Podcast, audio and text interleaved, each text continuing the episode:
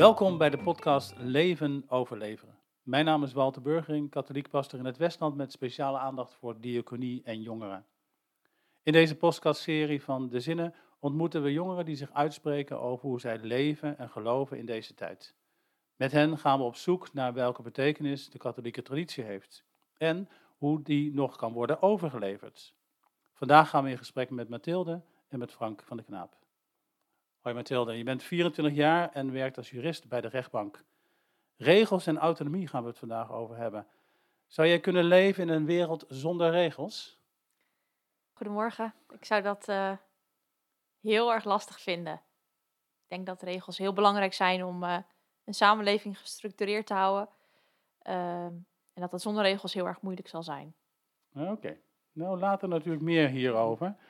Welkom Frank, je bent gepensioneerd leraar godsdienst en levensbeschouwing. Vandaag de gast om het gesprek bedoeld te verdiepen en van commentaar te voorzien. Mensen denken wel eens dat te veel regels hun autonomie aantast. Voel jij die spanning ook? Ja, ik zie vooral spanning of die ervaar ik als het gaat over regels die je van een ander krijgt en de regels die je zelf wil opleggen. Er zijn mensen die vinden regels van een ander heel lastig, maar ze leggen makkelijk regels op aan een ander. Jij moet dit, jij moet dat. Of dus dat blijft altijd een spanningsveld en daar heb ik zelf ook last van. Ja, ja, helder. Dus regels die je zelf bepaalt of die je opgelegd worden, die spanning. Ja, maar ik denk wel dat uh, Mathilde gelijk heeft, een, een, leven zonder regels is ondoenlijk. Ja, ja, ja. Niet te doen. Dus die heb je wel nodig in ieder geval, hè? Ja, ja. Frank, die maakt al gelijk een, eh, een mooi uh, onderscheid tussen regels die je zelf bepaalt, zeg maar, en regels die je opgelegd krijgen. Um, van welke regels hou jij het meest?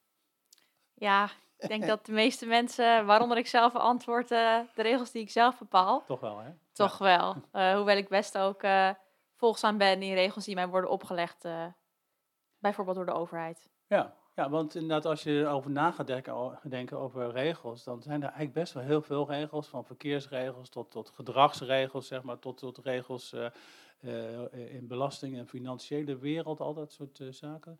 Um, hoe sta jij uh, tegenover regelgeving in zijn algemeenheid? Uh, ben je iemand die geen enkele keer een regel zal overschrijden? Nou, niet, niet bewust, uh, durf ik toch wel te zeggen. Um, ja, zoals ik net al even aangaf, ik vind het heel belangrijk dat er voldoende goede regels zijn. En ja, ik ben daarin best volgzaam, omdat ik toch wel over het algemeen zie waar de regel toe leidt en waarom de regel is ingesteld. Dus met dat doel voor ogen probeer ik, en ik hoop dat dan heel veel mensen met mij, uh, die regels op te volgen zodat het doel ook bereikt wordt. Ja, maar je hebt het over goede regels. Dan zijn er ook slechte regels. Maar wat maakt een regel dan goed?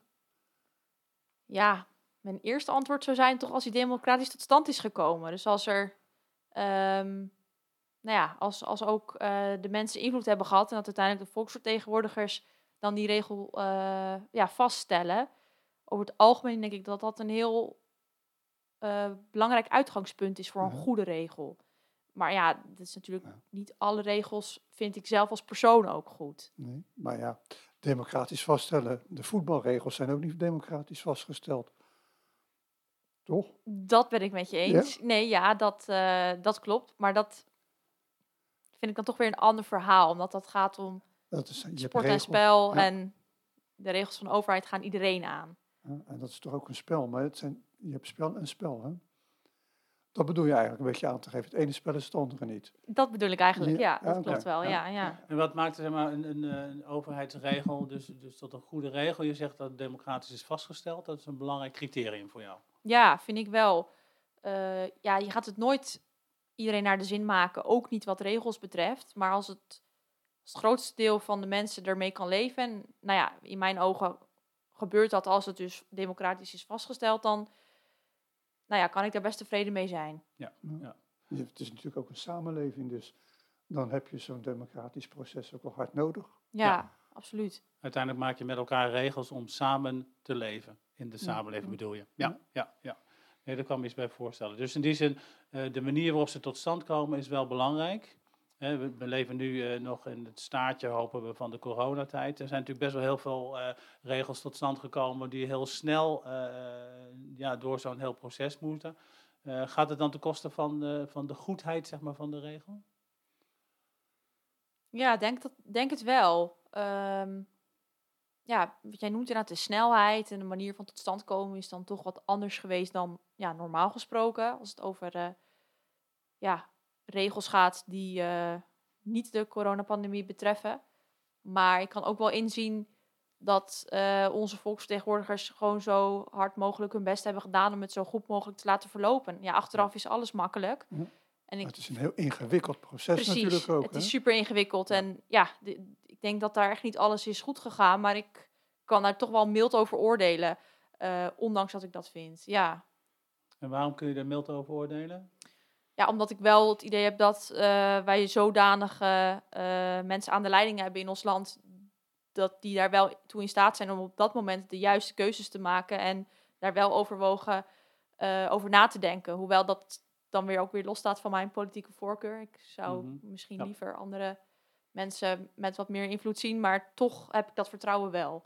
Ja. Ja, Het is wel mooi, want eh, eh, we zitten hier met een jurist aan tafel. Hè, dus, eh, maar volgens mij denk je ook inderdaad een beetje als een jurist. Dus regels zijn bedoeld om zaken goed te, te leiden. En als je ze overtreedt, ja, dan moet daar een sanctie tegenover staan. Dus dat zal mensen stimuleren om zich aan de regels te houden. En als ze goed zijn, dan werken ze uiteindelijk ook op een goede manier. Dat hoop ik wel. Ja, ga ik wel een beetje vanuit zelfs. Ja, ja.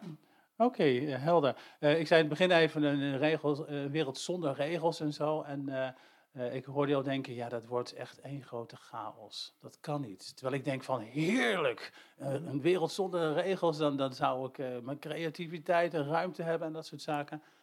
Is voor jou ondenkbaar. Ondenkbaar. Nee, ik kan me daar geen voorstelling van maken. En ja, chaos, daar hou ik helemaal niet van. eh, Nee, in alle sterkste, opzichten. de sterkste wint dan. Degene met de grootste mond, of die het slimste is, of die het meeste geld heeft. En, dus, en de mensen die dat niet hebben, ja, die zitten dan in de hoek waar de klappen vallen. Precies, en dat lijkt mij toch niet de bedoeling. Ik Nee. vind, eh, Dat- Niet de bedoeling. Hoe bedoel je? eh, ja, ik vind, ja, het recht van de sterkste, dat vind ik niet de bedoeling. Ik vind gelijke behandeling heel belangrijk. En dat iedereen dezelfde uitgangspositie en dezelfde kansen heeft. Hoe onrealistisch dat misschien ook wel is. Ik bedoelde eigenlijk de bedoeling van wie. En dat is een beetje een filosofische Ja. vraag. Dus dat is een, eh, is dat de bedoeling, moet dat de bedoeling zijn van mensen of is dat de bedoeling geweest van God? Wat er goede regels zijn, want God begint ook met regels. Hè? Tien geboden, of eigenlijk tien raadgevingen. En toen was het opeens stil. Ja, ik vind dat best een moeilijk punt. Ja. Ja, dat is een moeilijk punt. Ja. Nou, ik vind het tien geboden overigens ook een heel, eh, wel een heel mooi uitgangspunt. Ehm, Het is de basis van onze wetgeving. ja, precies. En dat eh, zie ik ook wel zo. Eh, ik heb ze notabene zelf ook uitgeprint en op mijn kamer liggen. Eh, niet, om, juist omdat het misschien moeilijk, zelfs niet moeilijk is om die regels helemaal Ja. na te leven. Ja, wie- van wie het niet de bedoeling zou zijn. Ja, ik denk dat het ook niet Gods bedoeling is dat het Ja. recht van de sterkste geldt. Maar dat vind ik heel moeilijk om daar uitspraak over te Maar doen hoor. misschien die, die regels die God dan geeft, die geven ook ruimte. Mhm. En die geven leefruimte aan mensen. En als regels leefruimte bevorderen, dan, is- dan zijn ze eigenlijk goed. En soms moeten die, moet die ruimte beperkt worden om jouw vrijheid te beschermen. Dan is het ook goed. Maar dan gaat het dus wel om het geluk van mensen. Ja. ja. Ja, en dat is wel mooi, want de tien geboden zijn eigenlijk in tweeën opgedeeld. Hè. Het ene deel gaat, eh, is, ge- richt zich op God, hè. dus dat je God kunt eren, zijn naam niet ijdel gebruiken en dat soort zaken. En het andere gedeelte is gericht op de mens, op het samenleven van mensen. Hè. Dat je niet eh, echtbreuk gaat plegen, dat je niet zult stelen, niet zult moorden en dat soort zaken. Je ouders eren. Dus ook dan zie je dat eh, als je iets wil regelen, dat het enerzijds tussen mensen geregeld kan en moet worden, maar anderzijds ook dat je je eh, richt naar boven toe, naar Gods, om hem ook iets te laten regelen in je leven. Nou, dat vind ik wel een hele mooie Ja?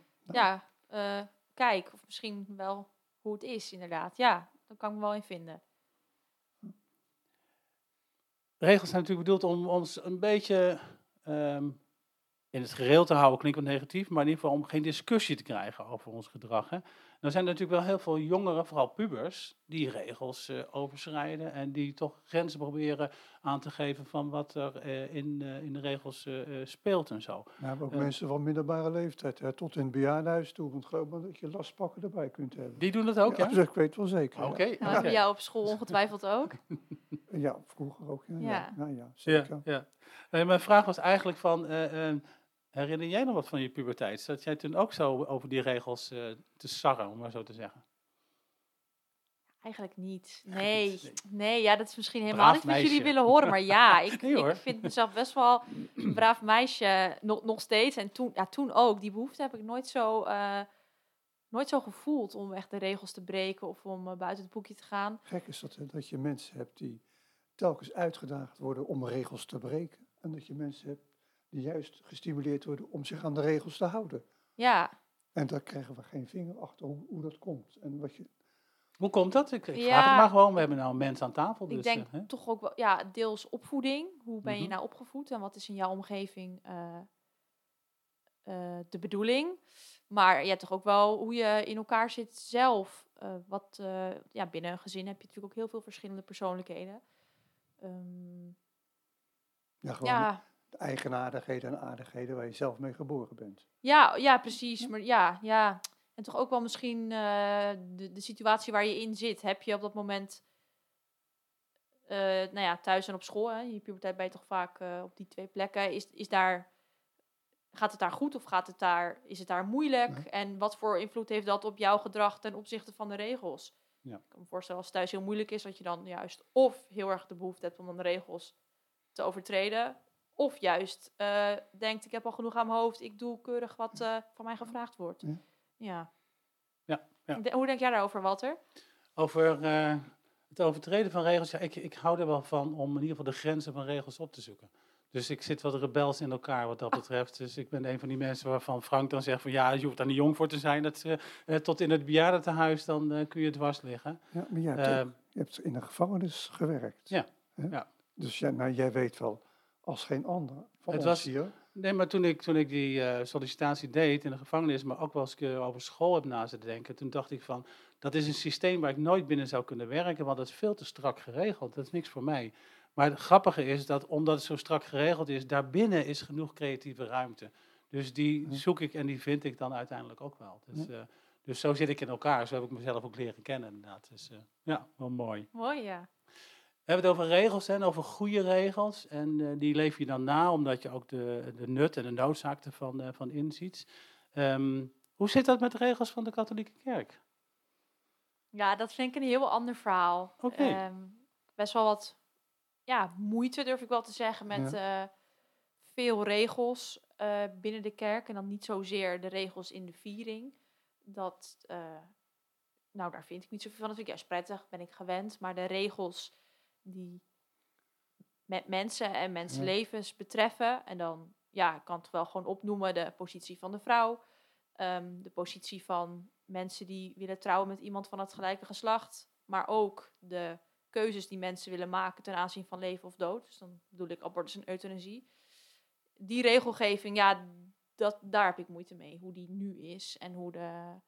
Ja, ik noem de katholieke kerk, hoewel er natuurlijk heel veel mensen daarbij horen en ook heel veel mensen daar anders over denken. Maar ja, dit, hoe de regels nu, nu zijn of nu horen te zijn, ja, dat, ja, dat, uh, dat vind ik niet meer van deze tijd. Nee. Maar weet je, die regels van die, van die kerk, het is natuurlijk een wereldkerk. Precies. En in Afrika denken mensen toch echt heel anders over bepaalde zaken dan hier in Europa. Ja, dat, dat weet ik ook wel. En daar heb ik het ook wel eens over gehad dan met, uh, met, met, met uh, nou, de pastoraal werker uit mijn uh, parochie. en als zij het op die manier uitlegt, dan kan ik, het wel, kan ik er wat meer begrip voor opbrengen. Maar persoonlijk heb ik daar wel moeite mee. En nu was er laatst ook een groot onderzoek uitgevoerd door de Trouw, als ik me niet vergis. En ja. daar bleek dat het grootste gedeelte van de Nederlandse parochianen ja, zich ook niet meer kan vinden in die regels. En dat vond ik toch wel een sterk signaal dat het in ieder geval in West-Europa uh, ja, niet, niet meer uh, zo breed gedragen wordt, die regels. Ja. Zouden die regels van de kerk dan meer met het geloof samenhangen of meer met de cultuur? Wat denk je? die regels. Ik denk de cultuur, maar ook de historie. Want ja, historie eh, jaren geleden eh, was in Nederland dit ook nog de, al, de algemene norm. Hoe er over die zaak wordt eh, nagedacht. Of het met geloof te maken heeft, weet ik eigenlijk niet. Omdat in de tijd van Jezus en de Bijbel ja, ja, ja. deze kwesties, eh, nou ja, niet zal ik niet zeggen, maar minder aan de orde waren. Toen, Oké, we houden dit eventjes Ja. vast en we gaan eerst eventjes naar eh, de column eh, luisteren die eh, vandaag is ingesproken door Marie-Lise.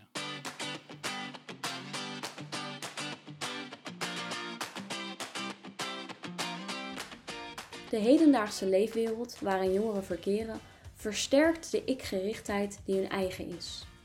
Onder andere door de grote toegankelijkheid tot veel en diverse informatie hebben zij niemand anders nodig dan de zoekmachine om te weten te komen wat persoonlijk goed voor hen is. Een ander kenmerk van de samenleving waarin zij opgroeien is de sterk doorklinkende liberale waarden en de economische roep tot zelfredzaamheid. Alles, ook ethische kwesties, wordt vertaald in economische waarden en zelfbeschikkingsrecht. Dat zijn de eigentijdse normen voor een goed leven.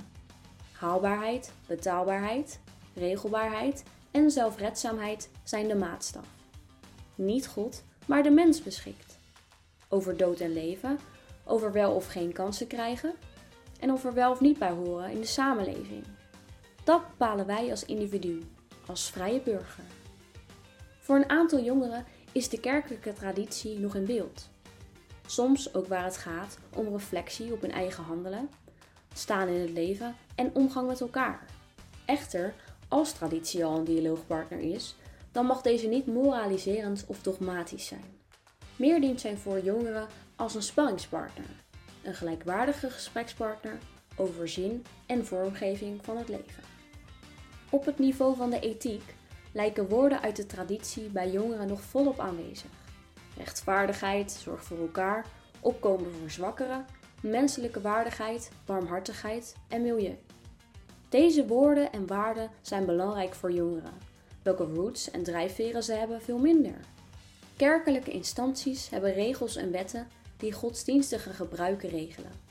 Jongeren groeien op in een samenleving die een kleurrijk palet aan religies en levensbeschouwingen toont.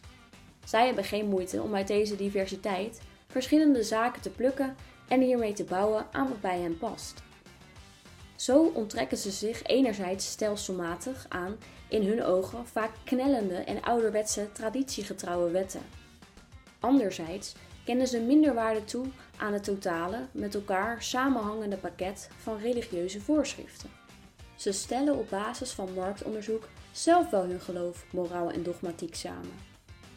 Voor de tradities is dit vaak een problematische situatie waar ze maar moeizaam een bevredigend antwoord op vinden. Ja, een verhaal over wetten, wetten en regels. eh, helder, we hadden het voor de column even over eh, liberale waarden in de samenleving en de cultuur die anders is en, eh, en vroeger. Eh, hoe luister je naar zo'n column, eh, Mathilde? Ja, ik herken mezelf er toch wel in. eh, niet in alles, maar de grote lijn. Eh, ja, herken ik wel toch, toch als jongere van, van deze tijd. Ik denk wel dat dat heel eh, treffend gesproken is zo. Oké, waar herken je je met name in? Haal er eens iets, eh, iets uit. Ja, toch dat je zelf kiest wat wel en niet bij jouw geloof past. Ehm, en ook dat het geloof vooral een toetsingskader is voor jouw eigen handelen. Ehm, en toch ook wel dat, ja, de strakke regels van de kerk, dat je daar niet eh, altijd in kan vinden, zoals ik net ook uit, eh, uitsprak. Ja, je noemt ze ouderwets, hè? Ja, ik noem ze ouderwets, omdat ik denk dat mensen vroeger wel allemaal, bijna allemaal op die manier eh, naar die vier punten keken. Maar nu niet meer. Daarom noem ik ze ouderwets, ja. Ja, niet, niet meer bij deze tijd, niet meegegroeid met deze tijd. Ja, ja dat denk ik wel. Ja, en heb je dan iets van, je moet mensen die andere keuzes maken de ruimte geven, de mogelijkheid geven? Zeg je dat eigenlijk? Of zeg je van, die keuzes die ze dan maken, bijvoorbeeld voor euthanasie of abortus, die vind ik ook goed? Wat is het, wat, wat is het dan? Dat je ze ruimte wil geven Ja. of dat je het goedkeurt? Ik, ik wil mensen ruimte geven. Ik, denk dat het goed is als, eh, als mensen daar zelf over, eh, Ja, zo- als mensen zelf keuzes kunnen maken en daarin niet eh, belemmerd worden. Ehm, maar mijn, mijn, mijn mening is nog wat sterker als het echt gaat om de positie van de vrouw of het trouwen van mensen van het gelijke geslacht. Ehm, maar ja, en eigenlijk ook daarin vind ik dat mensen zelf de keuze moeten maken en dat niet eh, dat bepaald wordt voor hen wat wel of niet kan. Dat is hun eigen verantwoordelijkheid. Dat, dat valt dat misschien onder. Ja, hun eigen verantwoordelijkheid. En ik denk ook dat, dat eh, ja, de wereld echt een stukje beter zou worden als we elkaar wat meer met rust zouden laten. En gewoon elkaar eh, ieder zijn eigen gang laat gaan. En daar valt voor mij dit waar- onder. Maar waar houdt dan die rust op? Want je zegt, iedereen mag zijn eigen gang gaan. Geen regels. Mm, maar waar- nou.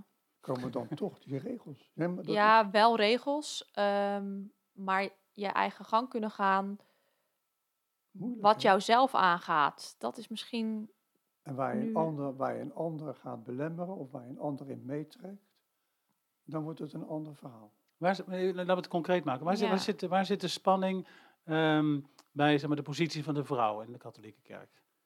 Waar zit voor jou de spanning? Waar zeg je van, nou, waar, zit, eh, waar voel jij geen ruimte als vrouw? En waar zit de wetmatigheid van de kerk? Nou ja, ik vind het gewoon heel erg dat vrouwen gewoon niet eens de mogelijkheid hebben om de, hoogst, de hoogste posities binnen de katholieke kerk te bekleden. Dus dat vrouwen geen eh diaken, priester, bisschop, paus, noem maar op. Ik vind dat heel erg dat op basis van geslacht dat zij uitgesloten worden. Omdat ja, in mijn ogen daar geen enkele rechtvaardigheid voor is. Dat dat vroeger zo was, goed, daar vind ik niks van, want dat was gewoon zo. Maar hoe dat nu is, in mijn ogen, eh, moeten mannen en vrouwen gewoon dezelfde kansen hebben.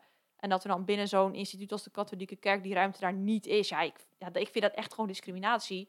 Wat het eigenlijk ook is. Ehm, maar in de Nederlandse wet is het uitgesloten. Ik bedoel daarmee, eh, ik denk dat het wel als discriminatie wordt gezien ook. Maar omdat het kerk is, mag de staat daar niets over zeggen. Ja. Niets. Eh, in dit geval is dat dan gerechtvaardigd. De kerk heeft zo zijn eigen uitleggen. wetgeving in deze. Ja. Ja, ja, en ik kan, me daar, ik kan daar eh, uren over praten. Want ik vind dat gewoon, ja, ook omdat ik zelf een vrouw ben, ik vind dat gewoon echt heel erg. Waarom zou een vrouw geen goede priester kunnen zijn? Ja, ik zie geen enkele reden. Ehm, ja, dus dat vind ik compleet achterhaald, die, Ja. die regels. Ja. En daarin merk je dus heel weinig ruimte. Geen, ja, Geen. geen. eh, ja, hier en daar komt wel eens een werkgroepje of ehm, wordt er een creatieve oplossing gezocht. eh, op het moment dat er in de kerk toch een, eh, nou ja, iemand nodig is die eigenlijk gewijd is. Maar goed, ja, ik, nee, ik ervaar daar heel weinig ruimte in. Juist ook, waar we het net over hadden, Frank. Ja. Omdat de kerk ook zo'n wereldkerk is. Wat doet dat dan met jouw geloof in God? Als je deze regels zo allemaal op een rij zet.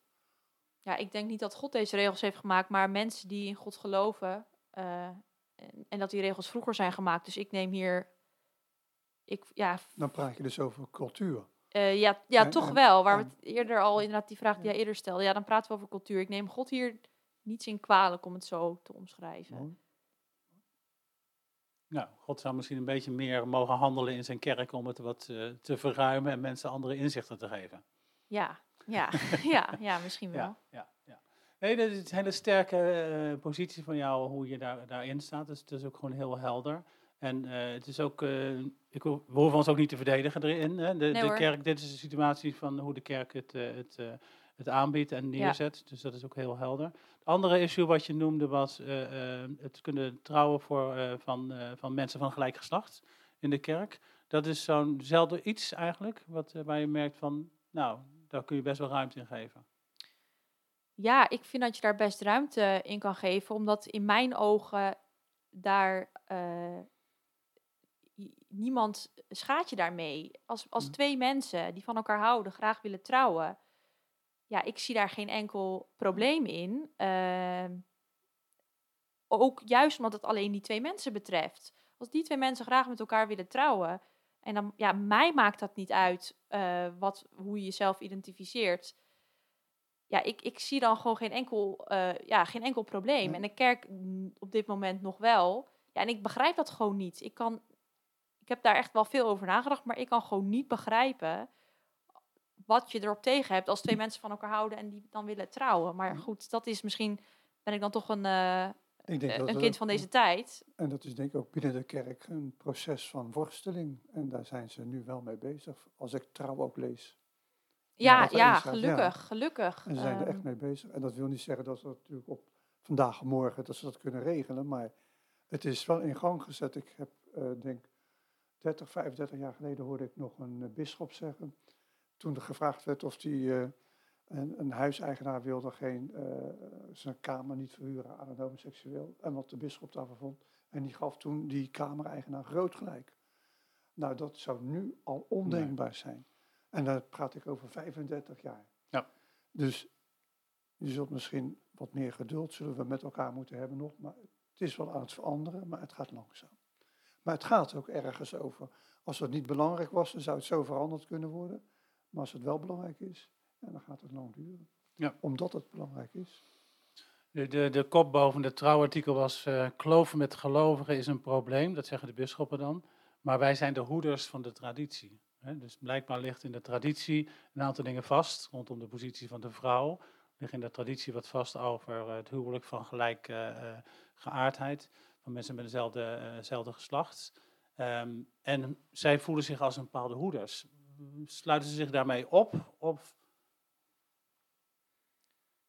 Ja, ik denk wel dat het treffend is, hoeders van een traditie. Maar de vraag is dan, is die traditie dan nog sterk genoeg? Uh, inderdaad, en tijdbestendig. Um, ik vind nog, okay. Ja, de omschrijving vind ik treffend, maar ja, het is misschien wel ook een makkelijke positie om in te nemen en dat ook dan te roepen. Zonder dan te kijken naar die traditie zelf. Hoewel ik dat ook wel weer begrijp. Um, en er ook heel veel mooie en goede uh, kanten aan, aan die Ja. traditie zijn. Want ik Ja. kom nog steeds graag in de, in de katholieke kerk, maar Ja, nou ja, heb- goed. Ja. Ik heb aan dat artikel in Trouw heb ik meegewerkt. En ik kom ook zelf heel graag in de kerk.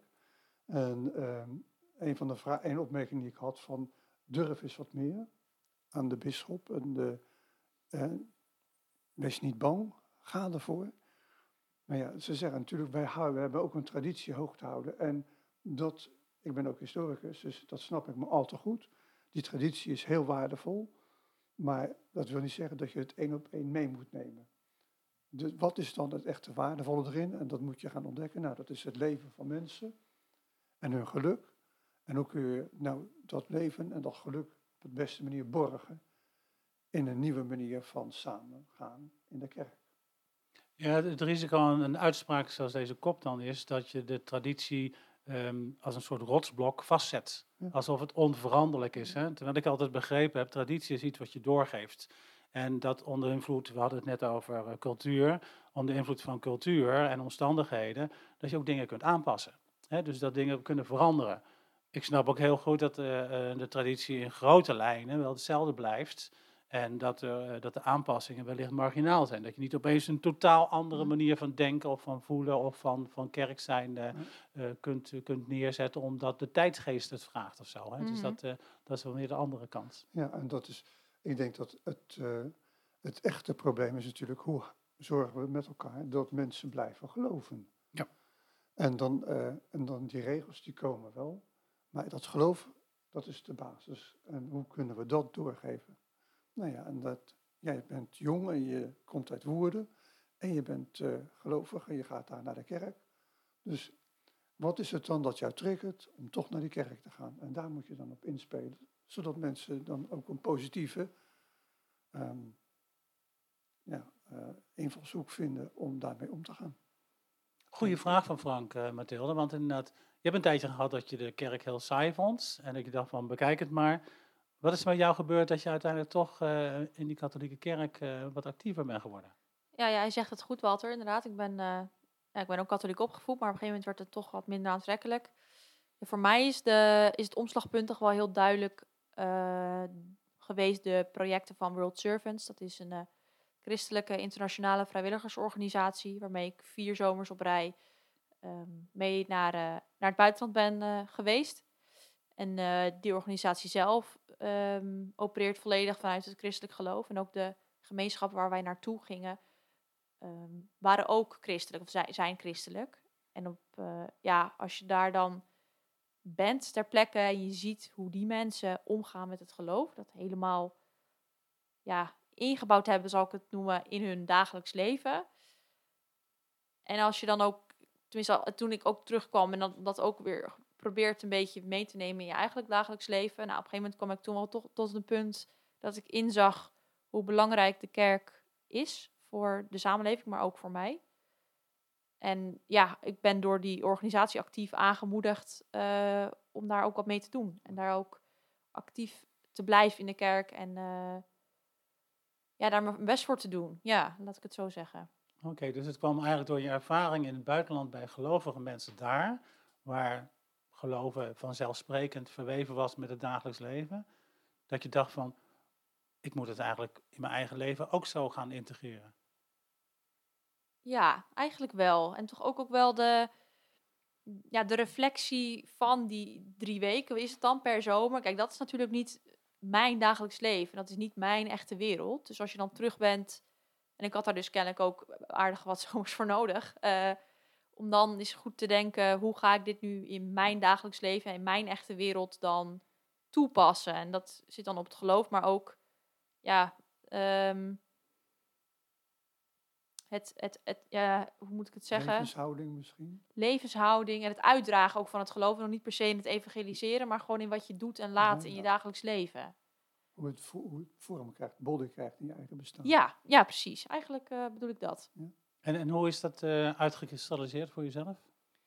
Ja, voor mij is dat, ja, dat het toch vanzelfsprekend is om, uh, ja, om wat vrijwilligerswerk te doen. Dat kan in de kerk, maar ook buiten de kerk. en ja, toch wel zo me zo, sociaal mogelijk op te stellen naar mijn omgeving. En daarbij ja, zou ik nooit op een plek kunnen werken die schade toebrengt aan het milieu of aan, uh, of aan andere mensen. Dat, ja, dat zou ik niet kunnen. Um, ik denk dat ik het zo het beste kan samenvatten. Ja, mooi, mooi. Dus, dus in die zin maak je daar keuzes in waarvan je zegt van nou, dat heeft echt met mijn geloof te maken. Ja, uiteindelijk wel. Dat komt dan misschien niet direct. Uh, dat zie je niet direct, maar dat is wel zo. Ja, ja. Komt van binnenuit dus. Ja, dat klopt. Ja. En daar doe ik dan mijn best voor. Het is niet dat het altijd lukt, want het is ook.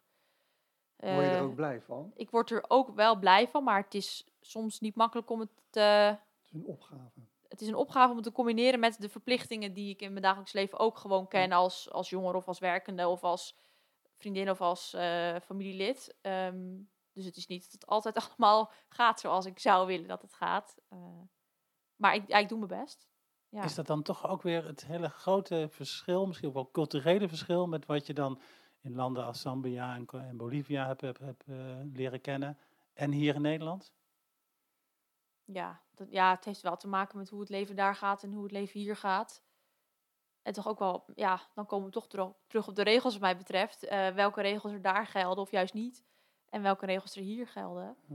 Um, daar heeft het wel mee te maken. Je hebt hier toch meer en andere verplichtingen dan daar. Ja. En je bent natuurlijk toch allemaal op je eigen manier bezig met wat vind ik belangrijk. En je, het is heel moeilijk om belangrijk te vinden wat een ander belangrijk vindt. Het gaat toch, hè? De liefde komt eerst tot zichzelf. Dat is een heel oud gezegde. En dat gaat natuurlijk ook over regels. En hoe kun je dat dan toch uitdragen naar een ander toe? Dus dat je, dat, dat je daar eh, een ander ook ruimte mee geeft. Of is dat te ingewikkeld? Ik denk dat ik wel volg en dat het, ja, dat het eigenlijk wel klopt. Ja. ja, ik denk ook dat je wel eerst ook van jezelf moet houden voordat je dat uit kan delen. Ik geloof ook dat daar een beetje aan raakt. Nou ja, je moet, ja je, moet, je moet eerst aan jezelf denken, dat, dat lukt niet anders. Nee, want anders kan ik niet voor anderen klaarstaan. Ja. Ja, ja. Goed, we hebben een mooi gesprek gehad over een van huis uit katholieke jongeren, Mathilde, die uh, toch wel een hele verschillende beleving heeft ervaren in regels in de samenleving en in de kerk. En vooral uh, zich heel erg hard wil maken voor een betere positie van de vrouw in de kerk. Eigenlijk moet je zeggen, gewoon niet begrijpt waarom de kerk dit onderscheid maakt op uh, grond van, van geslacht. Mooi gesprek, dankjewel Mathilde. Dankjewel Frank. We ronden af en we zien elkaar bij de volgende kast.